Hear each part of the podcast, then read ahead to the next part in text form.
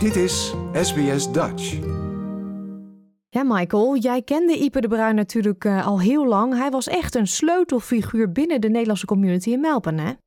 Klopt, echt waar. Ja, ik ken hem inderdaad al een behoorlijke lange tijd. Dan praat ik van een 40 jaar of langer. En ik heb lang en nauw met hem samengewerkt in de Nederlandse gemeenschap. Ja, nou ben ik uh, van een veel jongere generatie. Ik woon ook nog niet zo heel lang in Australië. Daarbij zit ik ook nog eens in Sydney. Dus Ipe de Bruin heb ik nooit gekend. Wat heeft hij nou allemaal bewerkstelligd en waar kunnen mensen hem van kennen? Want volgens mij is dat wel heel belangrijk om te noemen. Ja, wel, Ipe was heel belangrijk in de Nederlandse gemeenschap hier. Hij was namelijk voorzitter, 36 jaar lang, van de associaties in het kort genoemd. Uh, dat is de Associated Netherlands Societies Victoria. En die associatie is een overkoepelend orgaan van alle Nederlandse clubs, die in 1965 werd opgericht. Toen bestonden diverse clubs, uh, social clubs, kaartclubs, carnavalsclubs, voetbalclubs, van alles. Allerlei Nederlanders waren overal bij betrokken.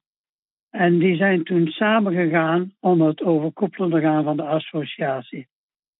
En de diverse clubs die stuurden afgevaardigden naar die vergaderingen van die associatie.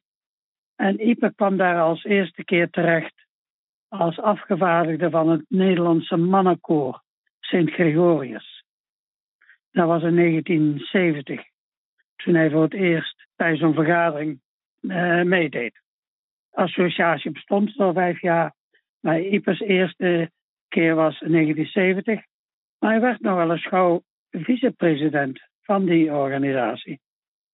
En toen in uh, eh, 1973, geloof ik, of 74, uh, eh, de destijdse voorzitter Arie Hootse plotseling overleed. Toen werd Ipe president. En dat heeft hij 36 jaar lang gedaan. Zo, zo zie je ze tegenwoordig niet meer. Nee. Nee. nee. En hij was ook degene die bijvoorbeeld um, zich hard maakte dat dingen bewaard zouden blijven. Hè? Zoals bijvoorbeeld de, alle uitgaven van de Dutch Courier, als ik het goed heb. Ja, inderdaad. Hij hield altijd alles netjes uh, op prijs en correspondentie. Zijn notulen van de vergaderingen, alles. Alles heeft hij keurig netjes uh, op een rijtje gehouden. En de Courier bijvoorbeeld, dat is ook een van uh, de dingen die um, subcomité's van de associatie. Maar die werd opgericht in het jaar dat hij dus uh, afgevaardigde werd, delegate, uh, namens het mannenkoor Sint Gregorius. Maar daarna heeft hij als voorzitter wel degelijk de belangen van de Courier onder andere behartigd. Ja. En diverse andere initiatieven heeft hij genomen. Wat was dus de Nederlandse community geweest zonder Ipe? Kan je dat eigenlijk wel kan je dat omschrijven? Want zijn invloed was heel groot. Ja, dat wel. Maar dan zal allicht wel een ander in de bres gesprongen geweest zijn of erin geduwd zijn. maar, maar Ipe hield het inderdaad altijd wel goed bij elkaar. En uh, hij was een, um, een goede vergaderingleider, zeg maar. Ja, en, uh, en, en ook wel gewaardeerd, hè? want uh, hij heeft zowel een Nederlandse ridderorde ontvangen, maar ook een Australische Medal of Honor. Dus ja, ja heel geliefd persoon. Ja. ja, inderdaad. Hij was dus uh, nauw betrokken bij alles wat met de associatie te maken had. En dat was destijds, en nog wel, best een grote organisatie. Vooral als men denkt aan de evenementen zoals het Holland Festival, het Koninginnenbal, tegenwoordig natuurlijk sinds 2013 Koningsbal. Maar ook van allerlei andere evenementen. Het 50-jarig bevrijdingsfeest in 1995, dat heel groot werd opgezet en gehouden in Melbourne. En waar hij heel nauw bij betrokken was in samenwerking met het Nederlandse consulaat-generaal in Melbourne destijds. Ja, dus hij wilde echt die Nederlandse community, Nederlandse cultuur, et cetera, dat wilde hij gewoon levendig houden aan deze kant van de wereld. Ja, en hij had goede, wat we noemen, contactuele eigenschappen. Hij kon goed met Jan en Alleman overweg, maar ook met diverse mensen in de overheid. Hij kon best zijn woordje doen met ministers en met ambassadeurs en consul-generaals en noem maar op. Hij, hij, was dus echt wel de, ja, wat, hoe noemen we zo iemand? Hij kon met iedereen goed opschieten, van, van alle lagen uit de bevolking eigenlijk. Ja, inderdaad, ja. Ja.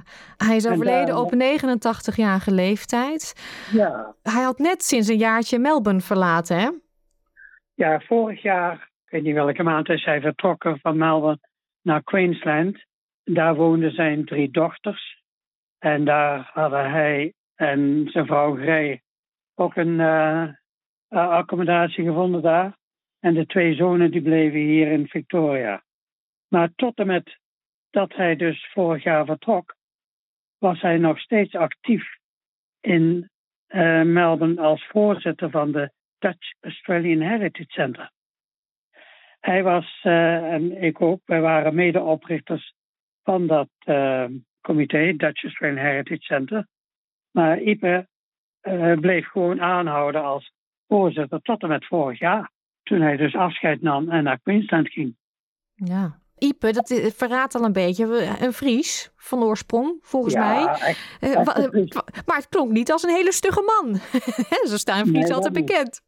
Nee, de mooie naam Ipe Dominicus de Bruin. In Friesland is hij geboren. Ik weet niet waar, maar dat, uh, dat horen mensen wel als de eulogy horen volgende week van de begrafenis van Ipe in Queensland. Ik ken hem hier vanaf die 40 jaar geleden in de Nederlandse gemeenschap, vooral met de associatie. Ja. Wat is je warmste herinnering aan hem? Ja, dat we samen het Heritage Center hebben opgericht. Maar daarvoor waren andere belangrijke dingen in het leven geroepen. Zo was hij dus de eerste voorzitter van Dutch Care. Dutch Care, voordat het Dutch Care werd, waren er diverse um, organisaties die voor de belangen van de ouderen vandaag zorgden. En die wilden allemaal natuurlijk uh, gefinancierd worden. En die financiering ging meestal door de opbrengst van het jaarlijkse Holland Festival. En dat waren grote bedragen soms. Maar iedereen wilde dus uh, een, een, stukje van die cake hebben natuurlijk. Totdat uh, hij mede georganiseerd heeft met anderen om die comité's samen te brengen. En zodoende is Dutch Care ontstaan. Ja, en dat is voor mensen van buiten Melbourne en Victoria. Dat waren eigenlijk, uh, of dat was één huis waar dan een Nederlandse oude vandaag dan samenkwamen en, en, verzorgd werden in het Nederlands ook? Ja. Ja, mooi initiatief. Dat, Nederlands, ja. ja. Dus dat, dat is een, uh, een groot iets van hem. De, um, oprichting van Dutch Care. Maar ook uh, andere. Hij heeft bijvoorbeeld in de 70 jaren werd er steeds Sinterklaasfeest gevierd voor de kinderen. Maar in de 80 jaren is dat opgehouden. Totdat hij in, uh, in 1985 weer het initiatief nam om Sinterklaasfeest te vieren. Maar nu voor de senioren. En dat is nog steeds zo. Elk jaar wordt er nog steeds Sinterklaas gevierd voor de senioren in de Nederlandse gemeenschap. Ja, het lijstje is eigenlijk super lang hè, met wat hij allemaal gedaan heeft binnen die Nederlandse gemeenschap. Zijn er ook plannen om hem te herdenken in Melbourne? Ja, ik, eh, de familie die, ehm, die heeft laten weten dat ze inderdaad van plan zijn om een bijeenkomst te organiseren in Melbourne om hem te herdenken. Uh, het fijne daarvan, dat weet ik niet, dat wordt aan de familie overgelaten natuurlijk. Maar het zou heel passend zijn als er uh, binnen niet al te lange tijd, binnen zeg maar een maand of één, twee, zo'n um, bijeenkomst wordt gehouden. Ja, en dan ja. Uh, dat de, ook de, de community de laatste eer kan bewijzen aan Ipe. En stil kan staan bij alles wat hij heeft gedaan. Ja. Dankjewel, Michael, om um, toch even stil te staan bij Ipe. Fantastische man. En ja, uh, hij zal uh, enorm gemist worden door vrienden en familie en de community. Inderdaad, heb je goed gezegd. Ja. Like, deel, geef je reactie. Volg SBS Dutch op Facebook.